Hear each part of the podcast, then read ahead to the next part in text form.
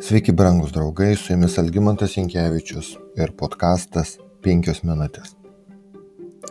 Sename testamente nėra pasakyta, kiek laiko truko Sauliaus karaliavimas, tačiau pagal apaštalo Pauliaus liudijimą jis karaliavo 40 metų. Apaštalų darbų 13 skyrius. Akivaizdu, kad Paulius, kuris taip pat nešiojo ir hebrajišką vardą Saulius, Būdamas Benjamino palikuonis, kaip ir Saulis, kuris taip pat buvo Benjamino palikuonis, gerai žinojo savo giminės istoriją. Taigi ilgas Sauliaus, kaip ir bet kurio kito Izraelio monarcho karaliavimas, buvo dviprasmiškas. Per šį ilgą laiką Saulis turėjo ir pergalių, ir pralaimėjimų, ir dvasinių pergalių, ir dvasinių nuopolių. Pagundas nuolat puolė jo dvasę. Jo valdymo pabaigoje jo pagrindinė užduotis buvo keista - pabandyti kažkaip sugauti ir sunaikinti savo žentą Dovydą, kuriame jis matė tiesioginę grėsmę savo valdžiai.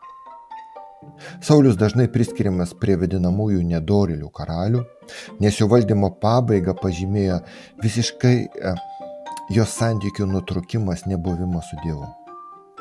Bet vis dėlto jo valdymo pradžia įvyko vadovaujant dieviškai jėgai.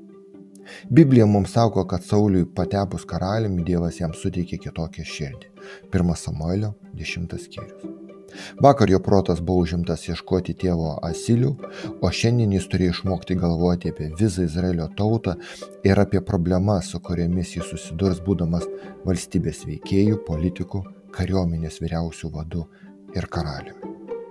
Viena vertus, viešpas nedelsdamas pradėjo suteikti jiem įgūdžių reikalingų šiai svarbiai tarnystėje. Kita vertus, Dievas pradėjo keisti Sauliaus viziją, Sauliaus siekius taip, kad Dievo darbai tapo svarbiausiais jo gyvenimo reikalais ir klausimais. Praėjus šimtmečiams viešpats per pranašą kreipsis į žmonės su pažadu, duosiu jiems kitą širdį, ir įliesiu jiems naują dvasę, išimsiu iš jų kūno akmens širdį ir duosiu jiems jautrį. Ezekėlį 11 skyrius. Kad Saulius dabar kitoks buvo a, parodyta labai greitai. Amonitų karalius Nahašas nusprendė atkeršyti už didelį pralaimėjimą, kurį pratyrė nuo Izraelio teisėjų Iftacho. Teisėjų knyga 11 skyrius. Pirma Samuelio knyga 11 skyriuje nuo antros eilutės nuo pirmos atsiprašau eilutės apie tai rašo. Nahašas, Amonitas, atžygiavo ir apgulė Jebeš Gileadą. Jebešo vyrai tarė Nahašą, sudaryk su mumis sandorą ir mes tau tarnausime. Bet Nahašas Amonitas atsakė, tik šitaip sudarysiu su jumis sandorą būtent išlubdamas kiekvienam jūsų dešinį akį. Šitaip užtrauksiu gėdą visam Izraeliui. Miesto gyventojai paprašė septynių dienų, norėdami pabandyti rasti paramą Izraelyje ir su prašymu sutiko Nahašas. Tuo metu pasiuntiniai nuvyko į Gibėją, kur gyveno Saulis ir papasako minutių karaliaus reikalavimą. Klausantis šio žodžių, Saulių pagavo viešpatės dvasia ir jis labai niršo.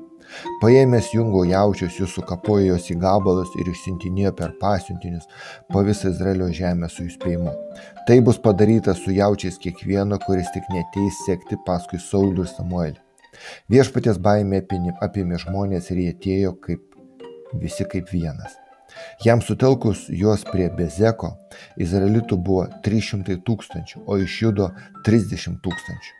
O tiesiems pasiuntiniams buvo pasakyta, taip jūs kalbėsite jie bež gileado vyrams, rytoj saulė pradėjus kaitinti būsite išgelbėti.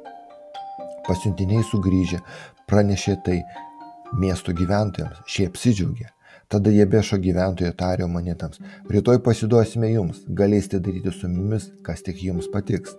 Kita diena Saulis išdėstė kariuomenę trimburiais. Reikmečio sargybos metu jie įsiveržė į stovyklą ir tol kirto monitos, kol įkaito diena. Išlikę gyvi buvo taip išblaškyti, kad niekur neliko dviejų vienoje vietoje. Miesto gyventojai buvo labai dėkingi Sauliui už išgelbėjimą ir išsaugojo tai savo atminime.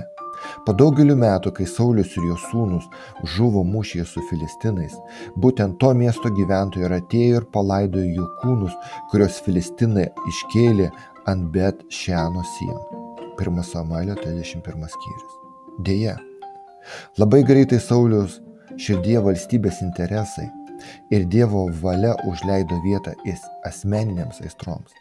Netikėjimas ir išdidumas tamo leptingomis pagundomis, jis pats nepastebėjo, kaip pasidavęs joms prarado galimybę bendrauti, susisiekti, turėti ryšį su viešpačiu.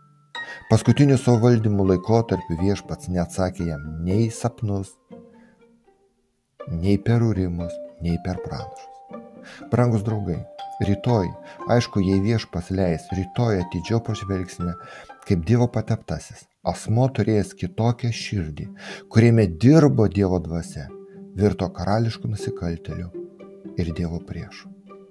Su jumis buvo penkios minutės ir Algymantas Jankievičius.